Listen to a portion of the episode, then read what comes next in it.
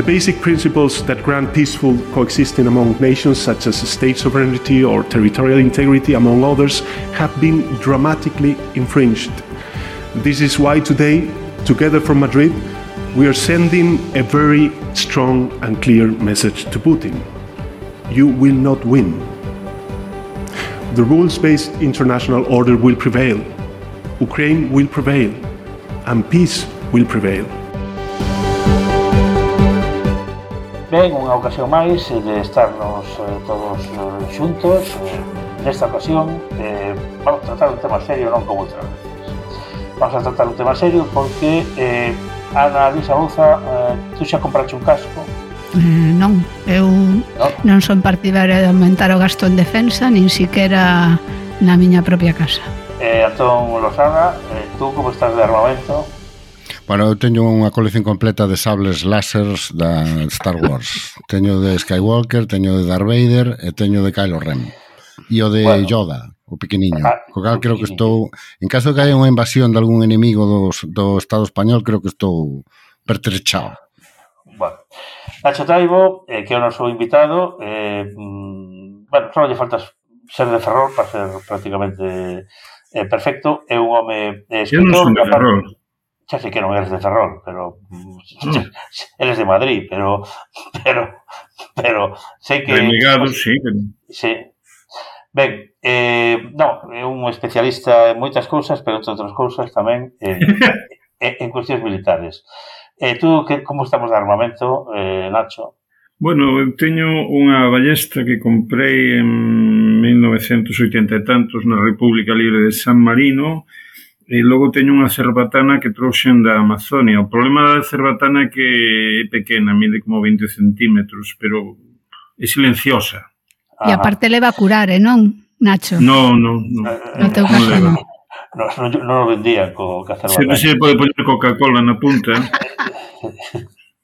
mm.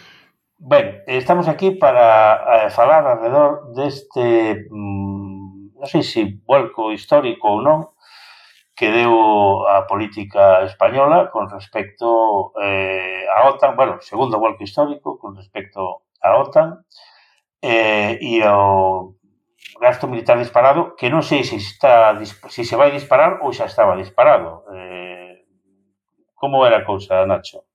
Ai, que che conteo, eu, pois mira, eu sei menos que o presidente do goberno. E o presidente do goberno dixo En relación, falamos de percentaxe do PIB, non? Do Producto Interior Bruto. Mm. Falamos diso. Sí. Ajá. Pois primeiro dixo que estaba no que iban chegar a 1,22 e tres meses despois, é dicir, hai, hai unha semana dixo que estaba en torno ao 1,4%, que máis, 1,40. E, a ministra de Defensa tamén hai tres meses retrucoulle e dixo que inda que dixera iso o ministro, o, o presidente do goberno, que ela sempre era moi leal e moi honesta e que nunca se chegaría ao 2%. Pero eu quixera saber como se calcula ese 2%, porque les informacións por aí, a OTAN di que, eh, que o 1 ou 1,01, outros din que tal, e logo están ah, os malos, os malos, aparte de, dos rusos, os rusos son malos, malos, pero hai outros um, tamén máis malos que son as certas organizacións autocalificadas pola paz, e esas din que se está facendo moi mal o cálculo, e insinúan que ademais se fai interesadamente mal, porque eles son malos, non? Entón, pois, eses dinche que non se suman unha serie de partidas que habería que sumar, incluso seguindo os criterios da propia OTAN, como a Guerra Civil, que é unha organización militar, eh, as pensións dos militares, eh, gastos de investigación e desenvolvemento, non sei, bueno, a cuestión é que lle sabe que se está gastando moi perto do 2%, se non máis, porque hai algún que di que tamén hai que sumar os intereses da débeda da, do gasto mm. da, da produción de eh, investigación e desenvolvemento militar, entón que se, se suman os, os intereses diso que se pasa a 2%. Por tanto, xa que dixetes que eu era experto, xa ves expertísimo son que non teño nin eh, repicholeira idea. A ver, entón, a ver se Antón sabe algo máis disto. Porque... No, no, no, no. eu, eu ainda teño menos idea. É dicir, eu concordo, pero é que se si me permites, pasa co gasto de defensa, pasa co gasto en sanidade, pasa mm. co gasto en pensións, para un dos grandes problemas que calquera que se dedique a investigar políticas públicas coñece é que a dificultade de clarificar realmente moitas, moitas veces as cifras do que realmente se está gastando ou investindo en moitas políticas públicas. Non? E si pasa en sanidade, si pasa en pensións, si pasa en educación, que digamos son gastos que non teñen problemas diante da opinión pública, de imaxe nin de legitimidade, imagínate o que pode estar pasando cos gastos de defensa que provocan bueno, pues a, o debate social que estamos vendo que, que provoca. ¿no? Ese é un, un, un primeiro unha, unha primeira reflexión. No, pero a segunda, a min, máis que se si vai aumentar o, o gasto militar ou non, que parece claro que, que vai aumentar, no? e, e canto, eh, a cuestión que a min estes días me preocupa é por qué? e para qué, ¿no? Porque eu estou, estou tendo a sensación, non sei se a vosotros vos pasa un pouco, vos acordades, cando houve un inmobiliario que ibas mm. comprar un piso ou unha casa e no banco che decían e por que non pides unha hipoteca máis grande e así de, de cambias de coche, amueblas o piso, te compras unha segunda residencia na, na, na playa, no? e pagas un colexio mellor pos teus fillos e che iban colocando, metendo, metendo e ao final colles unha hipoteca pois pues, que era dúas ou tres veces a que realmente necesitabas. Bueno, pois pues, caota me pasa exactamente o mismo estos días. No, que se si se abre unha ventana do, era un produto que eu creo que estaba claramente fora do mercado, o que polo menos era moi difícil de vender, que agora pola ventana de oportunidade que se abre, entre comillas, o ventana de oportunidade, non? Coa invasión de, de Ucrania, mm, pois se abre unha, unha oportunidade para vender e nos están colando todo exactamente igual, todo, todo, o sea, compre todo, xa colla non non só o gasto que necesite, digamos, para defender un o, o que sería proporcionado a un estado como o español, sino que xa de paso eh, amplíe o gasto para para peso, para cambiar de coche, para coller unha segunda residencia, non? E sigo sen entender moi ben as razóns eh, sobre as que sustenta, sobre as primeiro sobre as que se sustenta esa decisión e segundo pola a razón pola que, polo menos unha parte do goberno español, e refiro lóxicamente ao Partido Socialista e a Pedro Sánchez, o, o teñen a, a, abrazado con tanto entusiasmo. Non? Sí, mm. eu, eu creo que hai eh, unha cousa, efectivamente, unha, unha dúbida que teñen que resolver que é cal é o risco que corremos agora despois do, da, do cumio da OTAN e que non corríamos antes e que é o que obriga a gastar máis en seguridade, no? porque eh, bueno, este, este relato de que a seguridade está antes que o benestar porque sin vivir seguros non podemos vivir ben no? e que, por tanto, o gasto en seguridade ten que ser prioritario ao gasto en benestar, bueno, en fin, e en todo caso a seguridade para defendernos de que, non? Cal é o risco do que nos temos que defender e para o que temos que gastar e despois tamén explicar un pouco en que se quere gastar máis, non? porque non se quere gastar máis en contratar máis militares ou en mellorar os salarios da Garda Civil, nin siquiera se quere gastar máis en construir máis fragatas nos asteleiros de Ferrol, que en calquera caso tería sería un gasto que tería algún retorno no? eh, económico ou social, o que se quere gastar máis diñeiro noutras peas, no? en, en plans estratégicos de armamento que significan fundamentalmente a compra de armamento americano OTAN, non? E eso decídese en, una, en un cumio da OTAN que decide, ademais, ampliar a presencia americana na base de Rota, que decide, ademais, que hai un, un perigo que ven do sur, que tampouco sabemos eh, exactamente en que consiste ese perigo que ven do sur, ao mesmo tempo que se acorda con Marrocos un cambio de, de política sobre o Sáhara, a cambio de que de que, de que vamos a estar máis seguros. Non era que se cambiaba o tema do Sáhara para que estivéramos máis seguros. Que pasa? Que non chega con iso. Que agora temos que ademais gastar, comprarlle máis armas aos americanos para estar máis seguros. Que será o seguinte? Non creo que É unha deriva que eu, sinceramente, non lle vexo explicación como non sexa unha decisión de someterse eh, por terra, mar e aire ao imperio americano, no? E pode que sone un pouco radical e un pouco eh, irracional, pero eu realmente é que non lle vexo ningunha outra outra explicación. O, o pavero do asunto é que en todo caso eh, a, a, o que se lle botaba un pouco en cara a Trump, non? Que era eh, la la defensa que se la paguen ellos, que apagaran Corea del Sur, que apagara eh, ahora la defensa de Europa que pagaron los países europeos, mm, ahora está, ahora está llevando a cabo y con gran éxito eh, Biden, ¿no? Que una cosa, mm, bueno, no un tanto paradójica, ¿no? De, de, no sé si, evidentemente, no sé si gracias a Putin o eh, si mm, Trump eh, fichó ahí un, una pinza para colocar a OTAN, eh, como, a, non só a OTAN, a OTAN, o gas, eh, o armamento, os Eurofighters, o petróleo, o, Eurofighters, o petróleo, en fin, non? E que va a conclusión que saco de, de, da cumbre da, da OTAN é que, bueno, as prioridades que se marcan eh, no, no, no documento final no? e que foron transmitidas a través dos medios de comunicación son as prioridades de Estados Unidos. Mm. É o que lle importa e o que lle preocupa a Estados Unidos. No? e se marca un escenario onde, bueno, ah, temos dous enemigos, non? un declarado e outro que o declaramos nós porque sí, o que Rusia e China, no caso de Rusia, ustedes os europeos controlen este frente aumentando o gasto e, e comprándome a min as necesidades dese gasto, porque eu teño que concentrar todos os meus esforzos na, no desafío que teño realmente no Pacífico a miña hexemonía mundial, no? que é a emerxencia do, do imperio chino, para pa entendernos, non? E a min o que me o que me me, me preocupa é non tanto que esas sean as conclusións, que, oye, se son as conclusións as que chega a maioría, pois que vamos facer, nos colocaremos no bando da minoría, senón eh, a falla absoluta de debate alrededor deso, non? E o feito é que cada vez que se plantexa algún tipo de debate alrededor deso, pois lonxe de retrucarche con argumentos e con evidencias e con a lógica, incluso con un relato, ainda que sea propagandístico, que fan é descalificarte por completo. ¿no? Entonces, por exemplo, decir, por que China é un enemigo noso? Ou unha amenaza para Europa? Eu creo que é un debate que se pode abrir perfectamente. O sea, que China é unha amenaza para os Estados Unidos ou para a pa hexemonía ou para supremacía mundial de Estados Unidos, eso é evidente, pero para Europa, porque China é un perigo para nós? E en todo caso que alguén non lo demostre, que alguén non lo explique, non? Chamou vostede o número das Woman's Planers. Para solicitar un tema antigo, prema 1. Para propor temas novos, prema 2.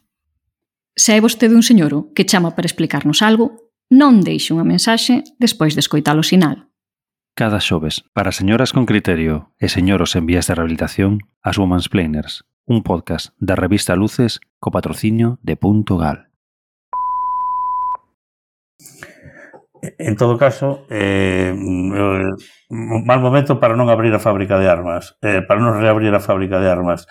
Eh, Nacho, eh, de, toda esa, de todo ese despliegue, de toda esa cesta da compra que vamos a hacer, eh, ten algunha lógica desde o punto de vista da defensa do que é, digamos, esta península? Non me refiro a Coruña, Bueno, eu esas cousas non sei, son sempre unha, un, un rollo de gustos. Moitas veces cómpranse obxetos destes de matar ou de facer a guerra, se non son de matar, son de molestar.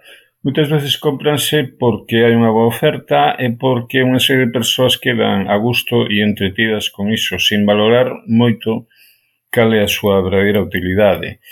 Pero, claro, eu en toda esta historia actual eh, creo que estaremos todos de acordo que o desencadeante é a invasión rusa mm. de Ucraína. Mm? Sin duda, sí. Entón, a partir de aí, pois dixe que Rusia pasa a ser unha ameaza que antes non era ou non, non era así de clara. E, e ben, hai, un, hai unha enorme cantidade de variantes, de variables sobre si esta invasión puido evitarse, si foi forzada, se forzaron os gringos, quero dicir os norteamericanos, ou que pasou. Agora, eu só en canto a resultados deportivos, pois observo que Rusia, sendo unha grande potencia, segundas do mundo, supónse, invade un país eh, con tecnoloxía con nivel tecnolóxico eh, precario que Ucraína e non pode con ela. Entón, eu quixera saber se si pasa eso co, co, ca segunda potencia do mundo, para que narices temos que eh, a, a ampliar a OTAN, B, comprar máis armas. Este, eh, vamos, falando en prata, está visto que os carros de combate rusos. teño dificultade para pronunciar rusos e non soviéticos, pero bueno, son problemas... Sí, que, no, nos tanques, pasa moitos. Nos pasa moitos. Sí. Bueno, pois pues, os tanques rusos está claro que eh, a blindaxe é máis ou menos de cartolina. Eh, entón, pois, a partir de aí, eh, que, que imos comprar? Eh, falaches da cesta da compra. Eu non sei cal é a cesta da compra. O que si sei é que hai unha serie de señores que fan que esfregan as mans porque van facer moita pasta que ese o, o fin último da, do incremento do gasto militar, pois non debería ser, obviamente, pero a veces non, non, non lle atopo outra historia. Entón, bueno, pois sí, fan, a veces fan cálculos de, de para que son necesarias, cales son as ameazas, que pode pasar, quen son os malos, quen van ser os malos no futuro, etc. Xa sabemos os chineses dos, dos hipermercados, dos, dos mercados de todo o eh, pero eh, os resultados son sempre eh, gastos monstruosos. Eh, moitas veces non lles ves a utilidade. Eh, sobre que dixo, o que dixo Ana, permitidesme que vos lea un parágrafo. Sí, por favor. Sobre o que dixo Ana do, do retorno, cando se, se encargan máis fragatas en Ferrol, pois onte petei cun texto dunha desas malvadas organizacións pola paz e un texto que me, que me causou grave impacto en min. Di, o gasto e as inversións militares non contribúen ao desenvolvemento da economía e, polo contrario, entorpéceno, porque as armas non son bens productivos que circulen no mercado e iso impide ter un valor social. Ademais, comportan inflación, porque o Estado, ou adquirir armamentos e levar a cabo inversións militares endebedese, endebedase. Mm. E por iso esas inversións son menos productivas que as destinadas á economía civil, etc, etc, etc. Dá que pensar. Ao que eu me refería, Nacho, é a no comparar, a comparar eh, porque a propia ministra eh, de Defensa decía que diga eh, Yolanda Díaz si ela sí. se vai negar a facer investimento das fragatas en Ferrol, non? Eu comparaba o, o retorno económico que tería facer fragatas en Ferrol con comprar as fragatas a, a Estados Unidos, non? Donde, efectivamente, sí. pero claro, partindo da idea de que o gasto militar é sempre un gasto improductivo, porque non xenera eh, benestar, nin xenera eh, un produto consumible, nin xenera riqueza, nin xenera, pero pode xenerar emprego, que sería este o caso, non? Pero non o vai haber, mm. nin, nin tan siquera vai haber iso. Non, pero si eu a, a túa intervención mm, eh, entendina perfectamente, claro, e iba eh, sobre o que dixo o Ministro de Defensa. Agora, eh, quixera puntualizar algo que si sei, eh, can, eh, unha fragata das que están facendo agora en Ferrol O orzamento oficial é algo así como de 840 millóns de, hmm. de euros. Cada unha, eh? non as cinco, cada unha.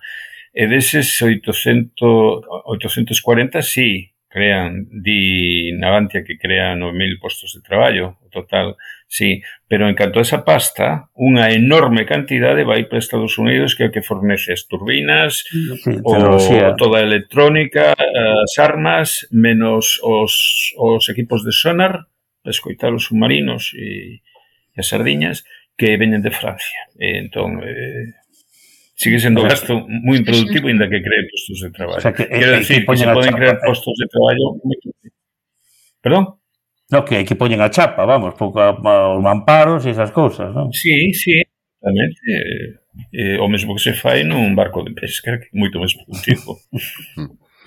bueno, para mí hai unha cosa que me resulta mm, motivo de reflexión, ¿no? todo, todo visto en, en Madrid estos días. ¿no? Aparte desta exhibición impúdica e prepotente de somos los que mandamos, ¿no? E cortamos mm. o tráfico e é dicir, eu pensaba que, que despois da gran recesión o poder tiña aprendido algo, que era que había que ser un pouco menos ostentoso e un pouco menos un pouco máis humilde, pero que vimos estes días en Madrid foi unha exhibición desta de mandamos nós.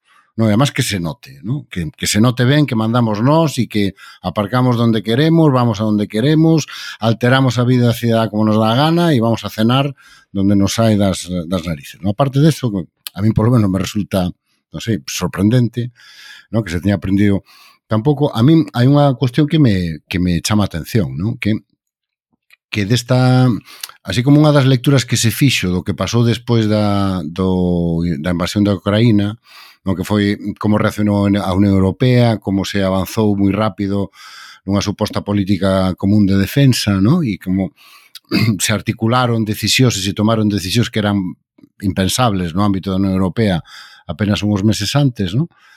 E ves que ahora na cumbre de Madrid esa ese salto que en teoría se tiña dado na capacidade de defender de diseñar ou implementar ou formular unha especie de borrador de política común de seguridade e defensa por parte da Unión Europea desapareceu. O sea, que a Unión Europea non existeu nesa cumbre, sino que a OTAN, a OTAN sigue sendo que era, é dicir, Estados Unidos e un montón de países, cada un o seu, non? E me dá a sensación de que eh, nesa cumbre, desde, desde a perspectiva do proxecto da Unión Europea, o asistimos a un, o todo o que se, entre comillas, se tiña avanzado nos meses anteriores, volvimos a casilla de salida. Non sei se uh -huh. si, si Tavo coincide con eso. Sí, sí, sí, sí, sí. Bueno, non te, no, eh... non te sorprendeu a, que non hai, sobre todo cando unha das supostas amenazas é Rusia, ¿no? E, e todo o que representa. A, a, a capacidade da OTAN para seguir bloqueando a capacidade de desenvolvemento do proxecto europeo nesa, na dimensión seguridade e defensa, ¿no? Uh -huh. Sí, bueno, eu penso que aí quen deu a clave foi o señor Macron, que dixo algo así como que a invasión rusa de, de Ucraína, que deploramos todos, non o dixen, pero estou seguro que deploramos todos, pois que valeu para que a OTAN que estaba eh, na UBI, que estaba eh, en, como se di, en, en fase terminal, non dixo iso Macron, pero dixo algo parecido, pois que de repente reviveu, e reviveu con máis forza eh, eh, disti que eh, a Unión Europea resulta que na, na cumbre da, no cumio, na cimeira da OTAN estiveron tamén representantes de Australia e de Nova Zelanda, que como todos sabemos son países limítrofes con Europa, eh, pasando polo centro da Terra. Eh, Atlántico Norte. E que non sei que pintaban aí. Por menos Canadá está no Atlántico Norte. Canadá si sí é da OTAN, sí. Bueno, creo que eso ten que ver con outras cosas que comentábamos antes, ¿no? que esta, eh, esta é unha cumbre na que queda claro quen, quen sigue marcando as, as prioridades na, nesa organización, ¿no? porque é que vexo, eh, lees un pouco o documento que sae final e as conclusións e, bueno, isto é o discurso e o relato das últimas administracións norteamericanas, ¿no?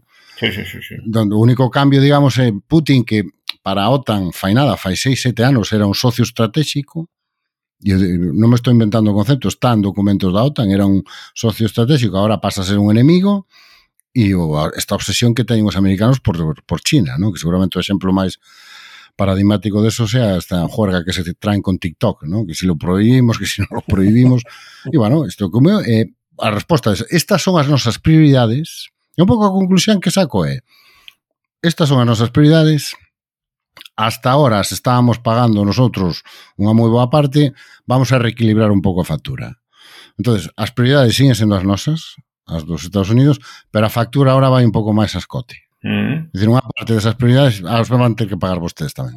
Eh, eh, no libro este de Bower sobre Trump, sobre a administración Trump, bueno, nos dous, pero vamos, creo que no, no primeiro conta como a Trump se lle escondían eh, documentos para que non nos firmara, porque eran auténticas eh, salvajadas, non? Un deles era precisamente o de o de deixar a Corea del Sur, que si quieres defensa de contra Corea del Norte, te la pagas tú. Entonces, ese documento estuvo varias veces eh, riba da mesa no despacho Val, apareceu por ali, non sei se era xefe de gabinete ou quen, que yo ripaba da mesa para, para que non o asinara, e, e porque era foi o primeiro que fixo. Trump dixera, estamos gastando eh, tantos cartos en, en o sea, tipo empresario, estamos gastando tantos cartos en defender a Corea del Sur de Corea del Norte. Bueno, hombre, o sea, que lo paguen ellos. Literal intentaron de explicar, bueno, es que mmm, vamos a ver, presidente, es que mmm, Corea del Norte tiene que tenemos bases americanas allí. Bueno, As bases ya, americanas non son para defender a Corea do Sur, claro. Bueno, pues se retiran. y entonces, ti, ti, bueno, tiven que, que quitar eses e outros documentos, menos mal que o tipo tampouco tiña unha memoria como e tampouco debía utilizar así a, a función da xenda do ordenador. E cantidad deles, un deles é precisamente este, non? Solamente recordarvos que está escritando un podcast de xente con moi bo gusto. A xente que escoita o podcast ten que estar super cómoda, en plan, non entendo de que están falando, este dos hippies. Malva e Duarte falan de misterios, un podcast da revista Luces. Teño que marchar.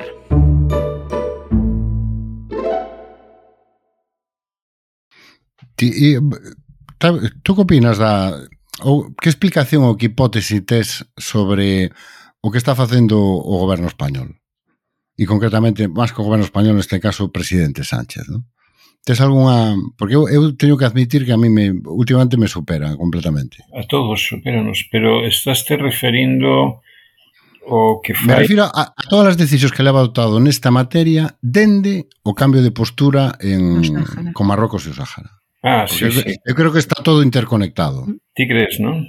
Penso, si sí, sospeito, pero bueno. Pois non sei, que eu non entendo nada tampouco, non entendo que se fixo co Sáhara, o que se lles fixo os saharauis, porque a min o que opine Alxeria non me importa demasiado, pero que, o que lles pasa aos saharauis importame moito, mm. porque son parte miña, eh? Nunca tive relación con ningún, pero son parte miña. Síntome responsável colectivamente, non como individuo. Non entendo o que fixo el, encima é que non o entende nin os seus socios de goberno nin a oposición. Parece que o único que entende é o rei de Marrocos. Entón, hai unha teoría ao respecto que é perralleira de todo é frívola, pero ás veces eh, a explicación máis simple é a real que o teñen collido polos eh, testículos, dixe os marroquinos porque teñen eh, Pegasus. confidencias sobre el eh, polo, pola espionaxe do mm. Pegasus. É unha explicación, mm, insisto, frívola de todo. Pero... A mí me parece completamente perralleira. É perralleira, pero dá a sensación de que, eh, de que é a única... Creíble. O problema é que é creíble. Claro. É o tema, claro. é perralleira, pero é creíble. E, e o que foi, se adoptaba cando jugaba o baloncesto. E, e o que foi cos gringos, eh, quero decir, cos Estados Unidos eh, no tema da OTAN, pois non me gusta nada remitirme a explicacións producidas polo primeiro partido da oposición, como se chama, o PP, eh, ese. Eh, pero mm, o mellor é certo que anda labrando o seu futuro eh, como alto funcionario da OTAN. Eu non creo que unha persoa mm, se xa capaz, que unha persoa normal se xa mm. capaz de hipotecar o futuro dun Estado, dunha nación, dun país en función dunha medra persoal eh, a nivel funcionarial, aínda se fose que que iba a conseguir unha refinería ou unha empresa eléctrica, pero só para ser alto funcionario non, non, son, non asimilo que unha persoa poida facer iso. Entón, non teño explicación, entón. Lamento. Mm. mm. Bueno, xa, son, por xa, creo que xa somos moitos, non? Moitísimo.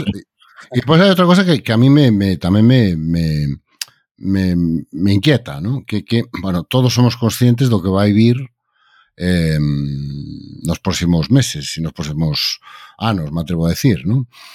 que a única maneira dende a ortodoxia económica que neste momento goberna a Unión Europea e me atrevo a decir que é unha parte importante do mundo, non? En que todo isto da inflación e tal, pues, só se corta unha maneira, non? Que é aumentando o precio dos cartos, provocando, digamos, un, un corte no ciclo expansivo, facendo unha restricción na oferta de políticas públicas e a oferta de servicios públicos e investimento público. O que quero decir? Bueno, vuelve, Ainda que agora non o vexamos, a volta do verán vamos ver como volta, volta con forza o discurso da austeridade, do equilibrio presupuestario, da necesidade de reducir os déficits, de facer políticas de recortes. Claro, nese contexto, por debaixo das nosas posibilidades, como encaixa a decisión de vamos a expandir o gasto militar. Mm. E eu solo, solo, solo, solo lle vexo unha lectura.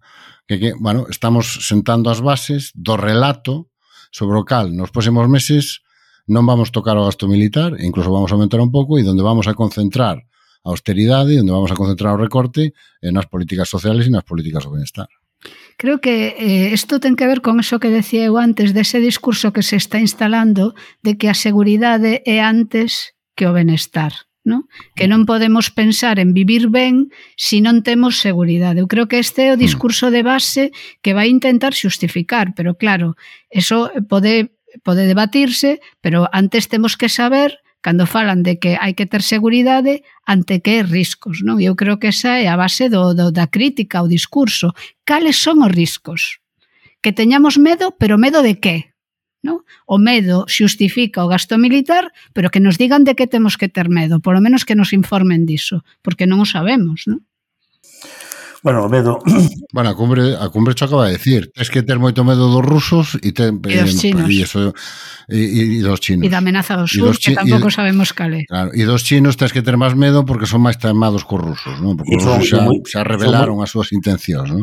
E son moitos máis, ademais, que ese, non só eso, sino mm. que eh, como ben sabe Taibo, en Oleiros aí vai haber que empezar a digo, non en Oleiros, vai haber que empezar a, a mirar de reollo os eh, tipos estes que venden cilindradas e en Oleiros hai un particularmente mal encarado en Santa Cristina. O sea que me imagino que o, o tema é se compras en AliExpress eres un antipatriota, si, si vas aos restaurantes chinos eres eh, Quero decir, imagino que todo este relato ahora que está pasando con rusos, dos, Eres, un, co- eres, eres colaboracionista. eh, eh, Dostoyevsky sí. es, un, es, es, es malo, Nureyev, bueno, medio bueno porque se escapó, etcétera, etcétera, y ahora con los chinos, pues Sí. bueno, eh, va a pasar un pouco mismo, ¿no?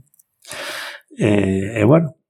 Ben, eh, non, non aclaramos nada, só aclaramos que gastamos un, a xa de cartos que non temos... Eh... Bueno, si, acla si aclaramos algo, eh, si, perdona, si que aclaramos algo, que que non entendemos moi ben o que está pasando. Me atrevo a dicir que non entendemos nada do que está pasando. E que as explicacións que están en riba da mesa que son perralleiras e que tal e resulta que son creíbles. O cal, bueno, claro, no sei, eh, eh, o remate do, de, do, da sesión de hoxe me vou máis máis intranquilo do que cheguei. Sí, Antón, eu quería ser aínda eh, máis malísimo. Veña, veña. Non entendemos nada, efectivamente. Ahora, o que se está vendendo a opinión pública que hai unha invasión de Ucraína que é totalmente reprobável e que por iso hai que gastar máis en armas, eso cola ao, ao cidadán medio colelle perfectamente. Perfectamente. A explicación é todo perreira que queras, non, non matizada, pero eso entra, eso é máis grave de todo para mí. Sí, sí, está sí. funcionando, non ten máis que ver, pero non só na opinión pública española. No. E tú ves as enquisas que se teñen sacado en todos os países de Europa dende xaneiro a hoxe, con respecto á percepción da, da opinión pública sobre da OTAN, sobre a necesidade do gasto en defensa, e o cambio é enorme. Mm. Favorable. A favor claro. da OTAN, a favor da, de aumentar o gasto en defensa. É, é, é, é dicir, esa explicación e ese discurso do medo do que falaba Ana, está funcionando, pero sí, sí, sí, como facía moito tempo que non veía funcionar algo mm. en comunicación política. Bueno, es, está claro que o futuro laboral está en determinadas consultoras, por exemplo, esta que ten Zelensky contratada, contratada en, en Londres e está nas fábricas estadounidenses de armas, da da Coruña, pois xa nos aclarou Taibo que, que non. Ben, eh, mm, moitas gracias eh, a Nacho Taibo por mm, asistir a todo isto, por aclararnos o que non nos eh, aclarou, pero si sí nos deixou máis ou menos en, libre de dúbidas. Para que durmades ben. Perdón? Que, que foi para que durmades mellor. Ah, sí. va, va, sí, máis sí. tranquilos. Máis tranquilos, sí. moito máis tranquilos. Jugados. Eu, eu vou, xa, non vou necesitar... Agora, agora, E agora cando aprobe o Consello de Ministros este gasto extraordinario de mil millóns de euros, esta semana vou dormir como un, como un bebé, moito máis tranquilo e moito máis seguro. Eu xa non vou necesitar o oso de peluche que estou necesitando estes días eh, desde a cumbre da OTAN. Eh, moitas gracias a todos. A semana que ven haberá máis, non sabemos se si máis terrorífico ou menos, pero seguro que haberá máis. Ata logo, Nacho. Chao. Ata semana, chao. E de pola sombra. Ata logo.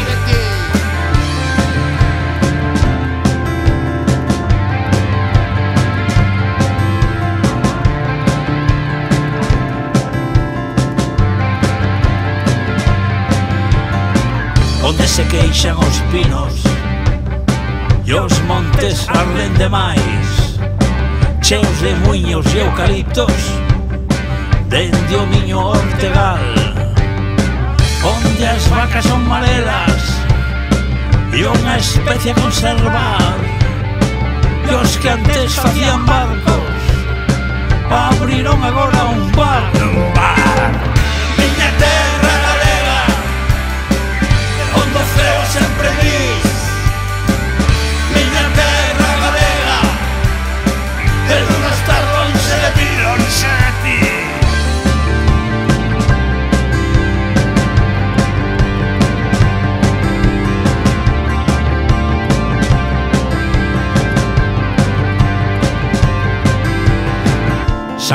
acolle no Jacobeo. Empanada e pulpo a feira. Queima dalle el vino turbio. Lo bien que se come aquí. O viñasito miñanco Foncellas e curuxás A resistencia galega E o pazo de Meirás De Meirás